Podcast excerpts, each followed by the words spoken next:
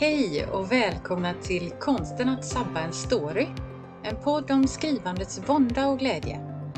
Det här är podden för dig som vill skriva mer, bli bättre och lära dig av misstagen så att du inte sabbar storyn.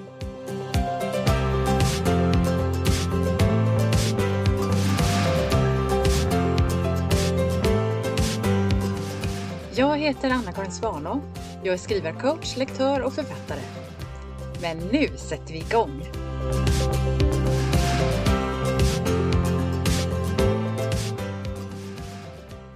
Hej och välkomna till avsnitt 10. Idag vill jag återvända till ett kärt ämne. Det här med att planera eller improvisera, eller både och. Alltså att planera sin struktur, dramaturgi och karaktärsutveckling och så vidare i berättelsen i förväg.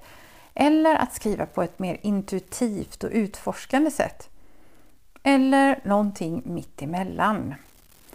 Jag kommer också berätta varför du inte ska lyssna på mina råd. Och trots detta så kommer jag ge några skrivtips i slutet. Så häng kvar om du vill veta hur jag kan hålla på och motsäga mig själv på detta horribla sätt. Jag har ju nämnt i förbigående förut att alla skriver vi på olika sätt. Men tänker vi egentligen på det när vi sitter där och tar emot skrivtips från olika coacher eller lärare? Mm, som en sån som jag då till exempel. Alltså, jag tycker det är jättekul att lära mig från andra, att ta emot tips. Och jag gillar också att dela med mig av det som jag har lärt mig om skrivande. Till exempel i mina skrivarkurser och i alla de här livesändningar jag har gjort på Facebook i mina tisdagstipset för dig som skriver.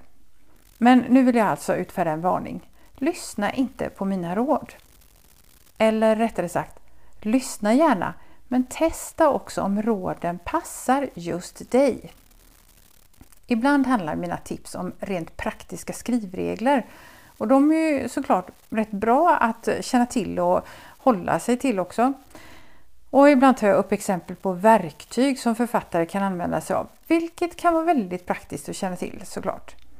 Men det som jag tar upp i podden idag handlar inte riktigt om just den sortens råd utan mer om skrivprocessen, det här med metod, struktur och skrivstrategier och planering.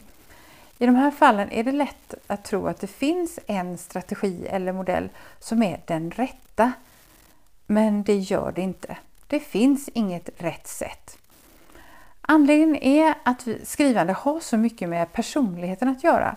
Vi är olika. Vi trivs med att jobba på olika sätt. Vi har olika målsättning, olika värderingar och olika sätt som vi funkar på helt enkelt. Och eftersom vi fungerar så olika som personer eh, och vi har olika metoder när vi skriver så kan ju inte alla tips passa alla. Alltså behöver vi pröva råden för att se vad som passar en själv.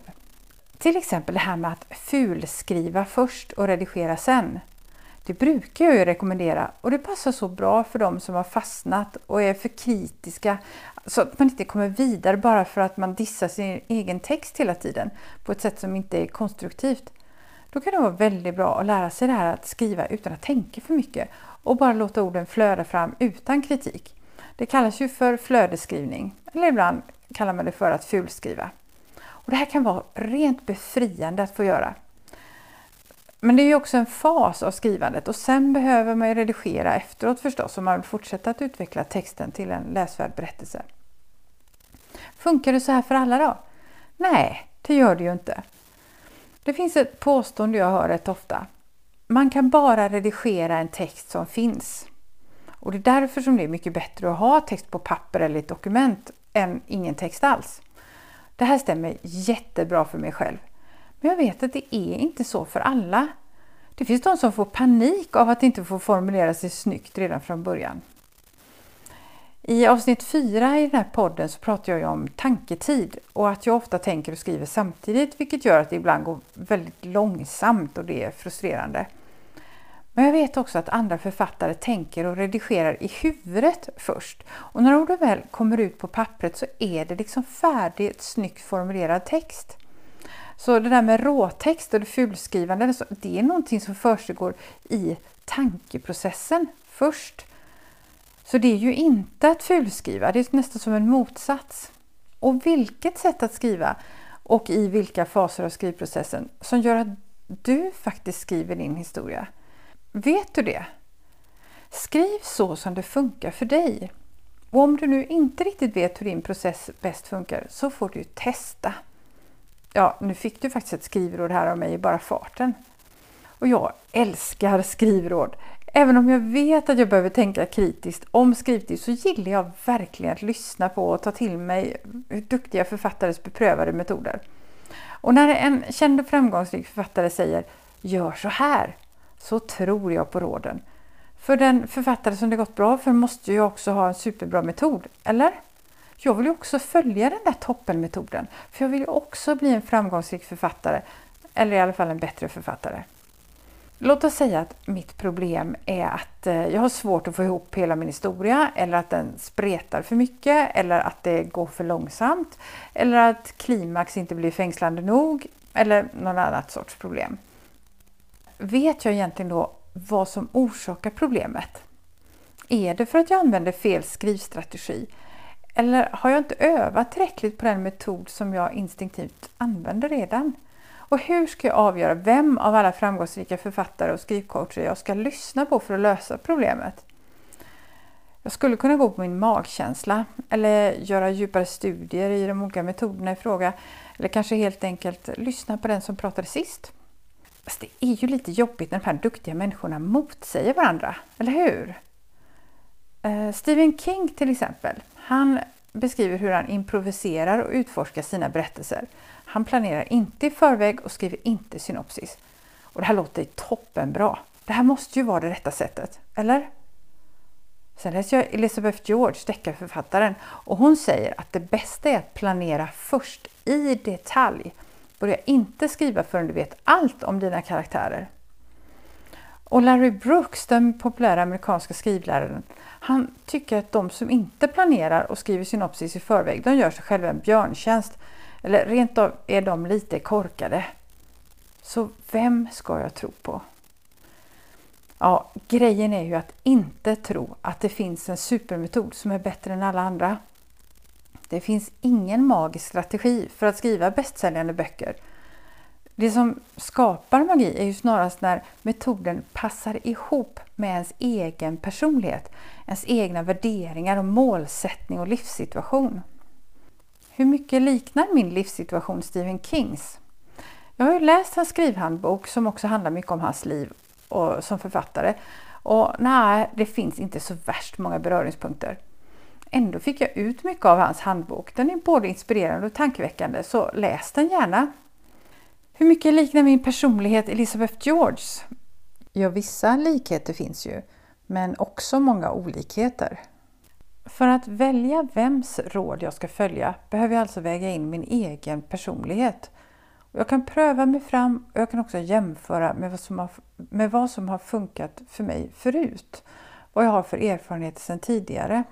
Detta med att planera eller improvisera fram sin berättelse är en fråga som ofta ställs i olika författargrupper och jag har själv stött och blött den i mitt eget skrivande flera gånger om.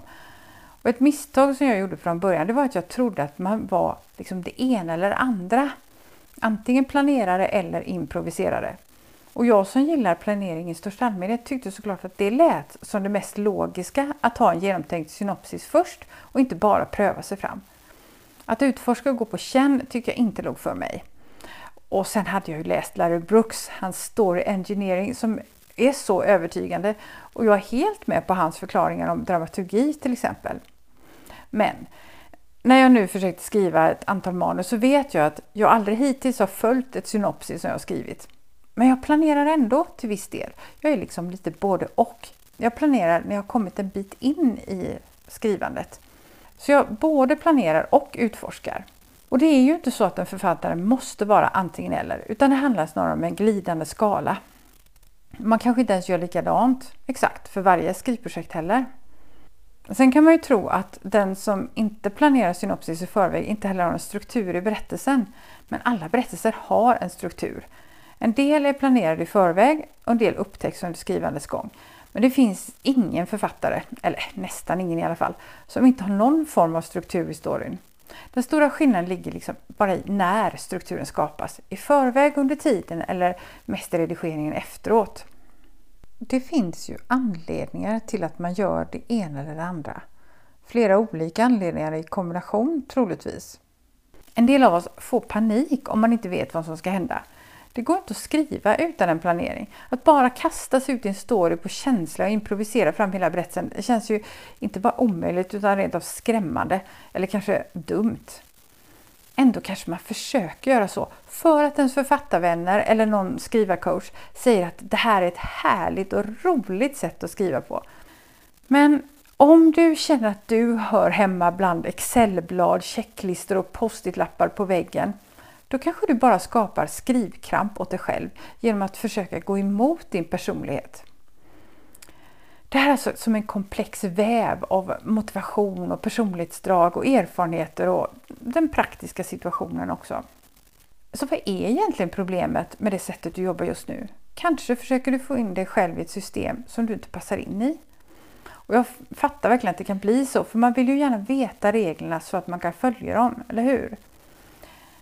Men ditt system är kanske mer komplext än vad som kan förklaras i en enkel mening eller uppställning i det ena eller andra, planerare eller utforskare. Titta på vad som fungerar bra i ditt sätt att skriva nu och vad är dina utmaningar? Du behöver ju lära dig från dina misstag, som jag pratade om i förra poddavsnittet. Men försök inte fixa ett problem som du inte har. Om din hjärna funkar bäst med planering i förväg Försök inte bli en utforskande författare bara för att det låter så härligt när andra beskriver det. Och om din personlighet ligger åt det mer intuitiva hållet så kanske du också skapar mer problem istället för att lösa dem om du försöker planera ett detaljerat synopsis i Excel istället för att utforska under tiden du skriver. Så hur vet du vilket du är då? Ja, vad har funkat för dig förut? Vad har inte funkat? Vad är ett riktigt problem och vad tror du är ett problem bara för att någon annan säger att de brukar göra på ett eller annat sätt? Ehm, du kan få bra vägledning faktiskt av testläsare eller lektör. För de kan ge dig en känsla för vad som inte fungerar i storyn. Ny, om man är nybörjare så har man ju kanske inte så mycket erfarenhet att luta sig mot. Man kanske inte har skrivit så mycket man, man ens har velat använda en testläsare. Då är det inte så lätt att veta vilken metod som gör att man kommer lyckas skriva klart sin bok så att den, och att den kommer fängsla läsaren. Så nu kommer jag till mina tips. Och lova nu att inte ta till dig dessa med mindre än att du testar om de faktiskt passar för dig och det sätt som du fungerar.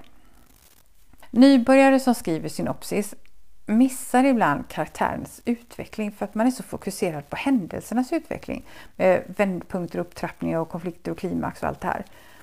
Och då är mitt råd så här. Titta extra just på karaktärerna. Vad är det de lär sig under handlingen? Hur förändras de? Så att du inte missar den grejen. En nybörjare som skriver utforskande följer ofta känslorna och då kan det lätt handla om hur karaktären utvecklas och växer. Däremot kanske klimax då blir för kort eller för oengagerande för att man inte har byggt upp eh, inför klimax med de här små planteringarna till exempel och då blir det inte riktigt till, eh, känslomässigt tillfredsställande. Så om du börjar med synopsis eller om du börjar med utforskande skrivande så se till att du inte missar de här delarna som också behövs i storyn för att göra den till en helhet. Alla framgångsrika författare har ju en historia bakom sig av massa försök och misslyckanden. Och man prövar och man testar vad som funkar. En bra författare inse sina svagheter och arbeta för att förbättra just detta. Men se upp då så att det är just dina svagheter du fixar, inte att du skapar problem genom att hoppa på en metod som inte passar för just dig. För lika viktigt som det är att lära sig av sina misstag och förbättra sina svagheter, lika viktigt är det också att känna igen och utveckla sina starka sidor. Men det här kommer jag ta upp mer om i ett annat poddavsnitt.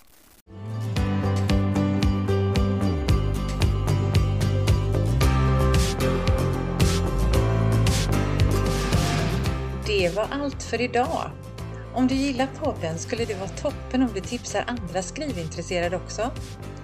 Titta gärna in på min hemsida www.annakarinsvana.se. Där finns bland annat en gratis minikurs om att börja skriva. Där finns också mer information om mina tjänster och kurser. Men nu är det dags att börja skriva.